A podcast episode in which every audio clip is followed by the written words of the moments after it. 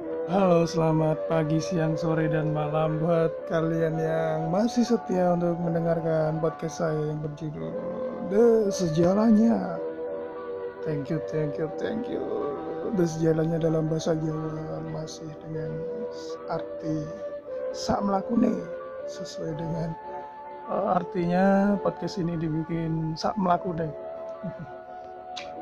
Terima kasih buat kalian semua yang masih mendengarkan podcast ini sampai di episode sekarang. Uh, apa kabar kalian semua? Semoga selalu sehat, selalu terhindar dari penyakit terutama COVID-19. Semoga yang gajian tidak ke pending, yang nggak uh, dapat kerjaan semoga cepat dapat kerjaan, yang apalagi pokoknya yang diharapkan semoga tercapai lah. Uh, mau sedikit cerita nih uh, bahwa bahwa bila bahwa kok bila? Uh, di, diawali dengan kata bila. Bila bila April ya bukan. Bila bila. Alah kok bila? Bila Sapira bukan jadi gini bila Adam tercipta di dunia itu Adam tercipta di dunia untuk menemani si Hawa apakah benar eh, mas-mas uh, berseragam kepolisian atau tentara itu tercipta di dunia untuk berjodoh dengan mbak-mbak bidan dan mbak-mbak cantik yang lainnya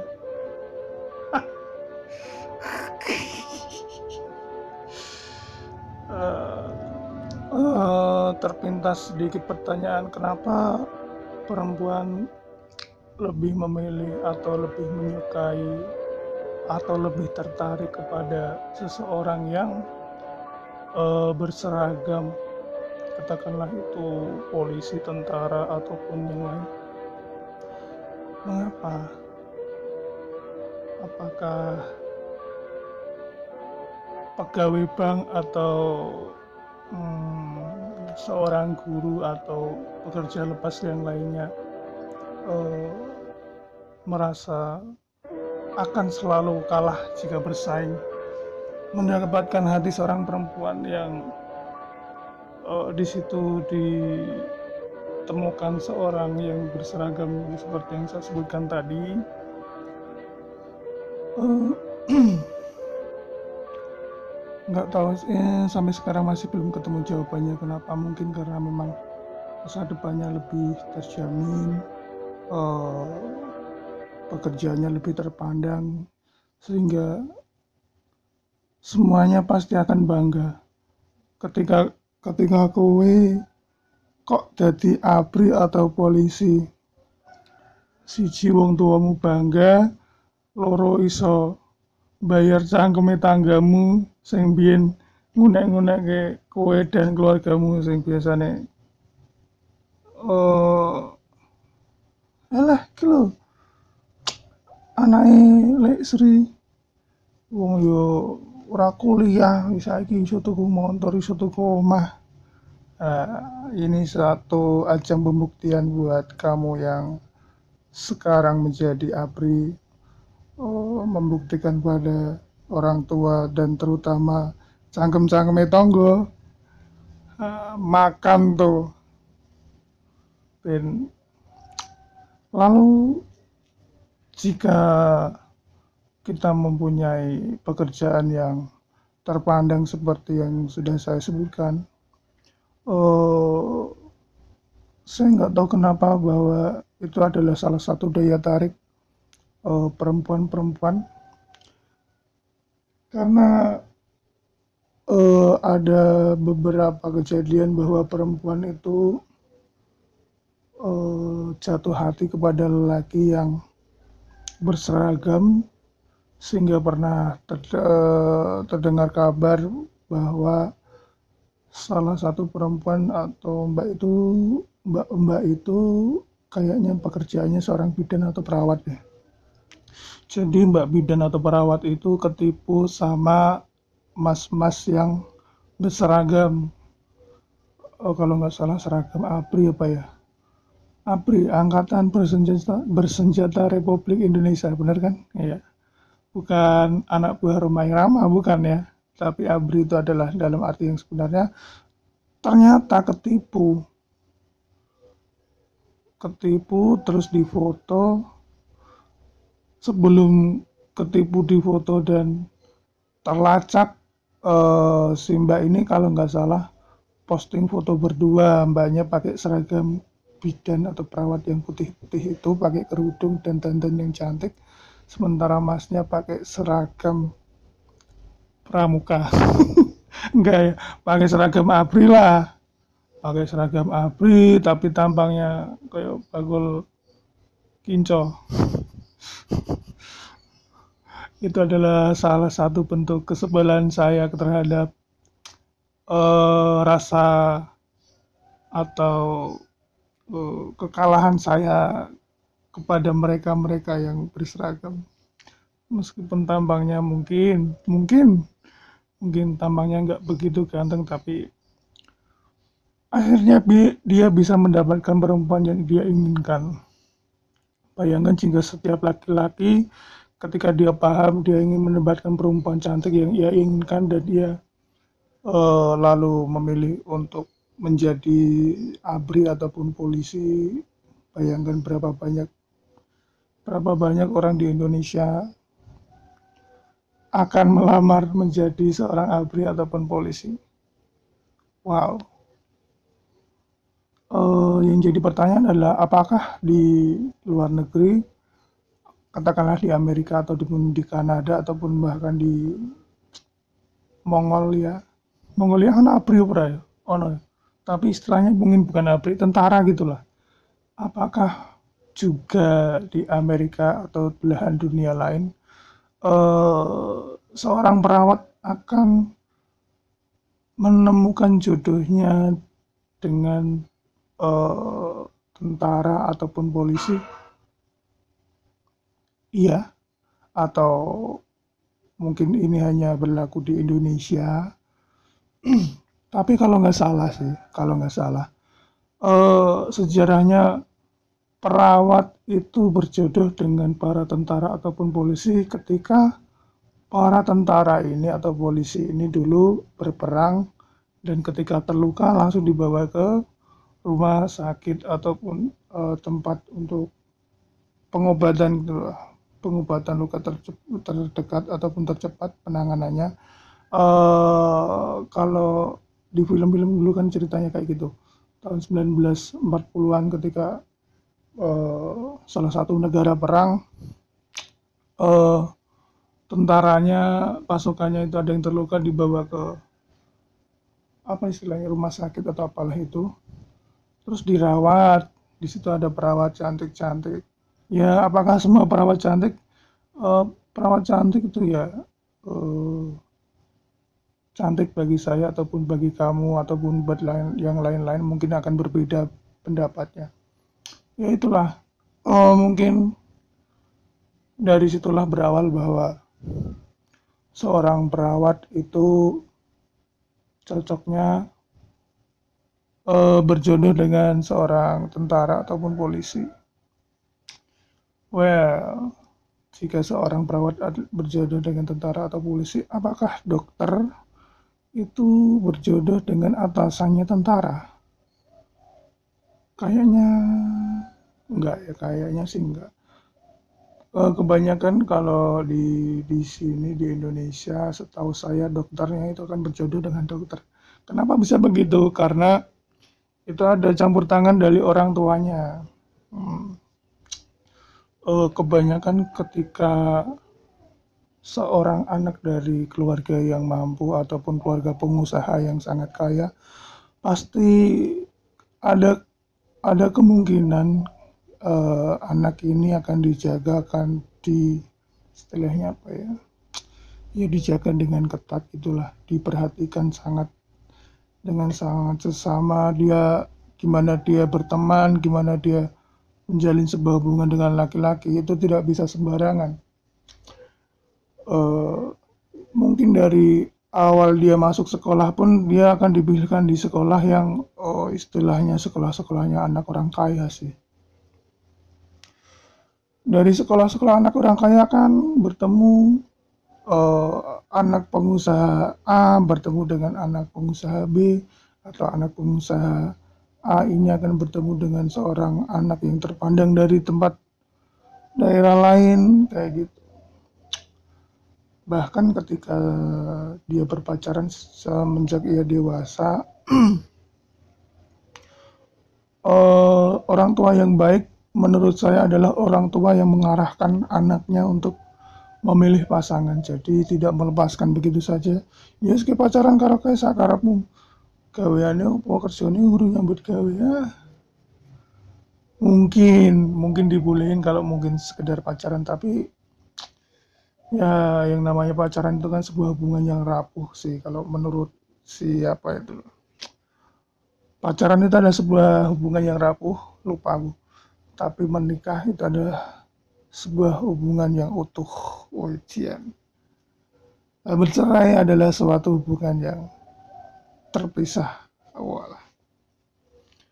Mungkin uh, perempuan modern zaman sekarang adalah perempuan yang uh, wujudnya adalah bisa berdandan, tidak tidak mau diatur dalam arti seperti kalau laki-laki tidak bisa menunjukkan uh, contoh yang baik terhadap pasangannya, maka wanita pun tidak tidak perlu membuktikan bahwa dia harus begitu patuh dengan suaminya. Uh, pernah saya mendengar obrolan dari uh, cewek ciwi-ciwi masa kini ketika mereka sudah di usia yang sangat matang, mereka mengobrol soal mengapa perempuan harus bisa memasak untuk suami.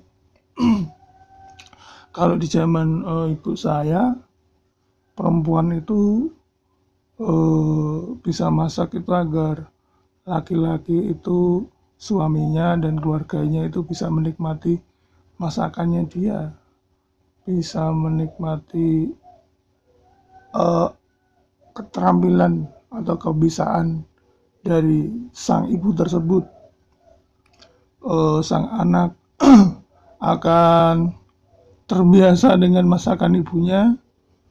Namun uh, sesuai dengan perkembangan zaman mungkin uh, sekarang sudah ada Grab, Gojek ataupun uh, cara uh, aplikasi untuk pemesanan pengantaran makanan.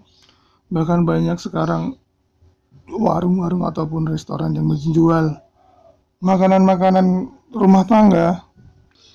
Dan wanita zaman sekarang adalah wanita yang uh, kesamaan derajatnya dengan laki-laki.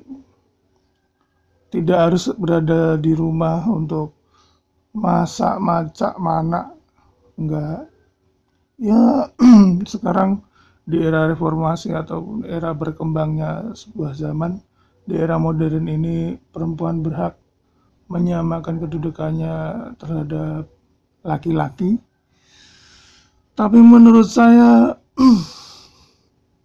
tidak ada salahnya perempuan bisa memasak dan tidak ada salahnya laki-laki bisa hmm, mengurus kebutuhan rumah tangga semacam benerin ledeng terus munggah genteng. Eh munggah genteng apa munggah pian munggah pokoknya mau genteng benerin genteng di atas terus benerin listrik terus benerin eh, apa lagi ya? Pokoknya segala sesuatu yang ada di rumah lah namun kita balik lagi ke obrolan yang tadi. Ketika saya mendengar obrolan dari uh, sekumpulan mbak-mbak modern ini mereka menganggap bahwa wanita itu tidak wajib bisa masak karena zaman sudah modern. Semua sudah bisa terbeli. Apa-apa sudah gampang. Jadi tinggal pesen. Ya iya sih tinggal bisa pesen tinggal tinggal bayar tinggal keluarin handphone buka aplikasi untuk Gojek Grab dan sebagainya. Tapi uh, saya merasakan kehilangan sosok perempuan yang uh, sosok perempuan yang sebagaimana dia seutuhnya ibu rumah tangga sebenarnya menurutku kalau menurut kamu kayak gimana? Apakah perempuan itu tidak harus bisa masak atau bisa masak itu lebih baik? Ataukah perempuan zaman sekarang ah yang penting hidup saling memenuhi hidup saling membutuhkan tapi uh, persoalan apakah orang uh, ibu rumah tangga tidak bisa memasak itu akan menjadi sebuah persoalan. itu adalah itu adalah sebuah tanda tanya besar yang uh, mungkin akan terjawab ketika kamu, ketika saya ataupun ketika yang lain um, menjalankan sebuah kehidupan berumah tangga. Perlukah itu atau tidak perlukah itu? Oke, sampai di sini dulu podcast kita podcastku podcast kita? Podcastku di sejalannya di episode yang episode keberapa ini ya? Keempat kalau nggak salah. Oke. Thank you sudah mendengarkan. Boleh komen-komen kalau kalian ada waktu kalian kalian ada sedikit kuota. Iya. Thank you thank you. Terima kasih Uh, sampai jumpa di podcast episode selanjutnya. Halo, selamat pagi, siang, sore, dan malam buat kalian yang masih setia untuk mendengarkan podcast saya yang berjudul The Sejalannya. Thank you, thank you, thank you. The Sejalannya dalam bahasa Jawa masih dengan arti sak melakune sesuai dengan uh, artinya podcast ini dibikin sak melaku deh. Terima kasih buat kalian semua yang masih mendengarkan podcast ini sampai di episode sekarang. Uh, apa kabar kalian semua? Semoga selalu sehat selalu terhindar dari penyakit terutama COVID-19 semoga yang gajian tidak kepending yang Eh, nggak uh, dapat kerjaan semoga cepat dapat kerjaan yang apalagi. Pokoknya yang diharapkan semoga tercapai lah. Uh, mau sedikit cerita nih uh, bahwa bahwa bila bahwa kok bila? Oh, di, diawali dengan kata bila. Bila bila April ya bukan bila bila alah kok bila bila Sapira. Bukan. Jadi gini. Bila Adam tercipta di dunia itu Adam tercipta di dunia untuk menemani si Hawa. Apakah benar eh, mas-mas uh, berseragam kepolisian atau tentara itu tercipta di dunia untuk berjodoh dengan mbak-mbak bidan dan mbak-mbak cantik yang lainnya.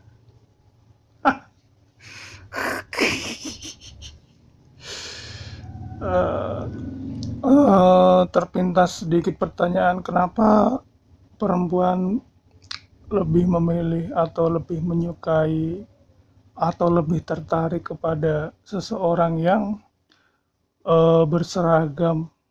Katakanlah itu polisi, tentara ataupun yang lain Mengapa? Apakah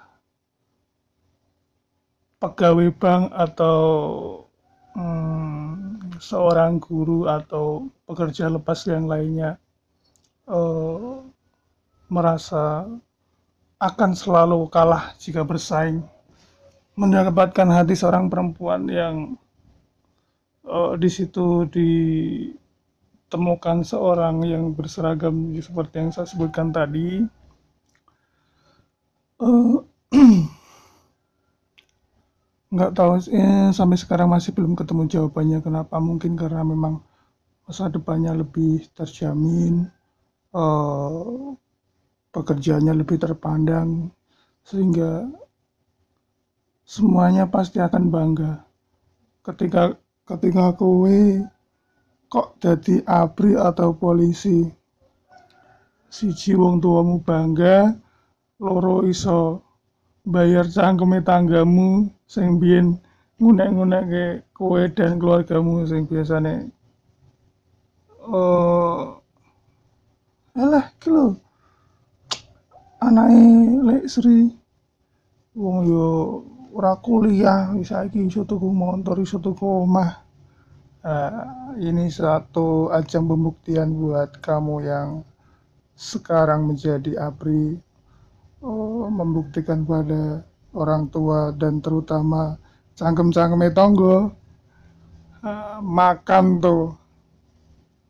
Dan lalu jika kita mempunyai pekerjaan yang terpandang seperti yang sudah saya sebutkan uh, saya nggak tahu kenapa bahwa itu adalah salah satu daya tarik eh, perempuan-perempuan. Karena uh, ada beberapa kejadian bahwa perempuan itu uh, jatuh hati kepada lelaki yang berseragam sehingga pernah ter, uh, terdengar kabar bahwa salah satu perempuan atau mbak itu mbak-mbak itu kayaknya pekerjaannya seorang bidan atau perawat ya. Jadi mbak bidan atau perawat itu ketipu sama mas-mas yang berseragam. Oh, kalau nggak salah seragam APRI apa ya? APRI Angkatan Bersenjata, Bersenjata Republik Indonesia benar kan? Iya. Bukan anak buah Romai Rama bukan ya tapi ABRI itu adalah dalam arti yang sebenarnya ternyata ketipu. Ketipu terus difoto. Sebelum ketipu di foto dan terlacak uh, si mbak ini kalau nggak salah posting foto berdua. Mbaknya pakai seragam bidan atau perawat yang putih-putih itu pakai kerudung dan dandan yang cantik. Sementara masnya pakai seragam pramuka. Enggak ya pakai seragam abri lah. Pakai seragam abri tapi tampangnya kayak bagul kinco. Itu adalah salah satu bentuk kesebelan saya terhadap uh, rasa atau uh, kekalahan saya kepada mereka-mereka yang berseragam. Meskipun tampangnya mungkin mungkin mungkin tampangnya nggak begitu ganteng tapi akhirnya dia bisa mendapatkan perempuan yang dia inginkan. Bayangkan jika setiap laki-laki ketika dia paham dia ingin mendapatkan perempuan cantik yang ia inginkan dan dia uh, lalu memilih untuk menjadi abri ataupun polisi bayangkan berapa banyak berapa banyak orang di Indonesia akan melamar menjadi seorang abri ataupun polisi. Wow. Uh, yang jadi pertanyaan adalah apakah di luar negeri katakanlah di Amerika atau di, Kanada ataupun bahkan di Mongolia. Mongolia kan ABRI ya? Oh no. tapi istilahnya mungkin bukan ABRI tentara gitulah. Apakah juga di Amerika atau belahan dunia lain uh, seorang perawat akan menemukan jodohnya dengan uh, tentara ataupun polisi? Iya. Atau mungkin ini hanya berlaku di Indonesia?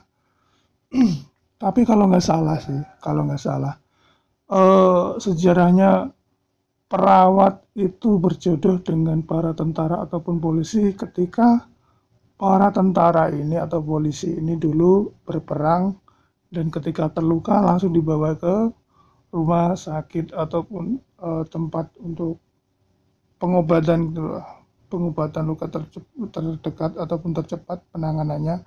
Uh, kalau di film-film dulu kan ceritanya kayak gitu. Tahun 1940-an ketika uh, salah satu negara perang uh, tentaranya pasukannya itu ada yang terluka dibawa ke apa istilahnya rumah sakit atau apalah itu. Terus dirawat di situ ada perawat cantik-cantik. Ya apakah semua perawat cantik? Uh, perawat cantik itu ya uh, cantik bagi saya ataupun bagi kamu ataupun buat lain yang lain-lain mungkin akan berbeda pendapatnya ya itulah uh, mungkin dari situlah berawal bahwa seorang perawat itu cocoknya uh, berjodoh dengan seorang tentara ataupun polisi. Well, jika seorang perawat berjodoh dengan tentara atau polisi, apakah dokter itu berjodoh dengan atasannya tentara? Kayaknya enggak ya, kayaknya sih enggak. Uh, kebanyakan kalau di di sini di Indonesia, setahu saya dokternya itu akan berjodoh dengan dokter. Kenapa bisa begitu? Karena itu ada campur tangan dari orang tuanya. Hmm. Uh, kebanyakan ketika seorang anak dari keluarga yang mampu ataupun keluarga pengusaha yang sangat kaya, pasti ada ada kemungkinan uh, anak ini akan dijaga akan di istilahnya apa ya? Ya dijaga dengan ketat itulah diperhatikan sangat dengan sangat sesama. Dia gimana dia berteman gimana dia menjalin sebuah hubungan dengan laki-laki itu tidak bisa sembarangan. Uh, mungkin dari awal dia masuk sekolah pun dia akan dipilihkan di sekolah yang oh, istilahnya sekolah-sekolahnya anak orang kaya sih dari sekolah-sekolah anak orang kaya kan bertemu uh, anak pengusaha A bertemu dengan anak pengusaha B atau anak pengusaha A ini akan bertemu dengan seorang anak yang terpandang dari tempat daerah lain kayak gitu. Bahkan ketika dia berpacaran semenjak ia dewasa, uh, orang tua yang baik menurut saya adalah orang tua yang mengarahkan anaknya untuk memilih pasangan. Jadi tidak melepaskan begitu saja. Ya sekitar pacaran karo kae sakarepmu. Gaweane opo kerjane guru nyambut gawe ya. Mungkin mungkin dibolehin kalau mungkin sekedar pacaran tapi ya yang namanya pacaran itu kan sebuah hubungan yang rapuh sih kalau menurut siapa itu pacaran itu adalah sebuah hubungan yang rapuh lupa aku tapi menikah itu adalah sebuah hubungan yang utuh. Ujian. Bercerai adalah suatu hubungan yang terpisah. Walah. Mungkin uh, perempuan modern zaman sekarang adalah perempuan yang uh, wujudnya adalah bisa berdandan, tidak tidak mau diatur, dalam arti seperti kalau laki-laki tidak bisa menunjukkan uh, contoh yang baik terhadap pasangannya maka wanita pun tidak tidak perlu membuktikan bahwa dia harus begitu patuh dengan suaminya. Uh, pernah saya mendengar obrolan dari uh, cewek ciwi-ciwi masa kini ketika mereka sudah di usia yang sangat matang mereka mengobrol soal mengapa perempuan harus bisa memasak untuk suami kalau di zaman uh, ibu saya perempuan itu uh, bisa masak itu agar laki-laki itu suaminya dan keluarganya itu bisa menikmati masakannya dia. Bisa menikmati uh, keterampilan atau kebisaan dari sang ibu tersebut. Uh, sang anak akan terbiasa dengan masakan ibunya namun uh, sesuai dengan perkembangan zaman mungkin uh, sekarang sudah ada Grab, Gojek ataupun uh, cara uh, aplikasi untuk pemesanan pengantaran makanan. Bahkan banyak sekarang warung-warung ataupun restoran yang menjual makanan-makanan rumah tangga. Dan wanita zaman sekarang adalah wanita yang uh, kesamaan derajatnya dengan laki-laki. Tidak harus berada di rumah untuk masak macak mana enggak. Ya sekarang di era reformasi ataupun era berkembangnya sebuah zaman di era modern ini perempuan berhak menyamakan kedudukannya terhadap laki-laki. Tapi menurut saya tidak ada salahnya perempuan bisa memasak. Dan tidak ada salahnya laki-laki bisa hmm, mengurus kebutuhan rumah tangga semacam benerin ledeng terus munggah genteng. Eh munggah genteng bang munggah pian munggah pokoknya munggah genteng benerin genteng di atas terus benerin listrik terus benerin eh, apa lagi ya? Pokoknya segala sesuatu yang ada di rumah lah. Eh, namun kita balik lagi ke obrolan yang tadi. Ketika saya mendengar obrolan dari uh, sekumpulan mbak-mbak modern ini mereka menganggap bahwa wanita itu tidak wajib bisa masak karena zaman sudah modern semua sudah bisa terbeli apa-apa sudah gampang. Jadi tinggal pesen ya iya sih tinggal bisa pesen tinggal tinggal bayar tinggal keluarin handphone buka aplikasi untuk Gojek Grab dan sebagainya. Tapi uh, saya merasakan kehilangan sosok perempuan yang uh, sosok perempuan yang sebagaimana dia seutuhnya ibu rumah tangga sebenarnya. Menurutku, kalau menurut kamu kayak gimana? Apakah perempuan itu tidak harus bisa masak atau bisa masak itu lebih baik?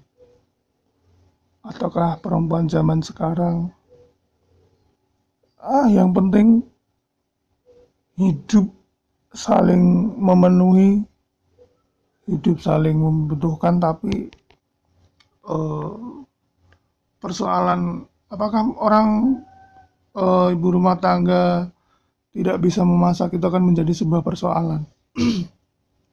Itu adalah itu adalah sebuah tanda tanya besar yang uh, mungkin akan terjawab ketika kamu ketika saya ataupun ketika yang lain um, menjalankan sebuah kehidupan berumah tangga. Perlukah itu atau tidak perlukah itu? Oke sampai di sini dulu podcast kita podcastku podcast kita. Podcastku di sejalannya di episode yang episode keberapa ini ya? Keempat kalau nggak salah oke. Thank you sudah mendengarkan. Boleh komen-komen kalau kalian ada waktu kalian kalian ada sedikit kuota. Iya. Thank you thank you. Terima kasih. Uh, sampai jumpa di podcast episode selanjutnya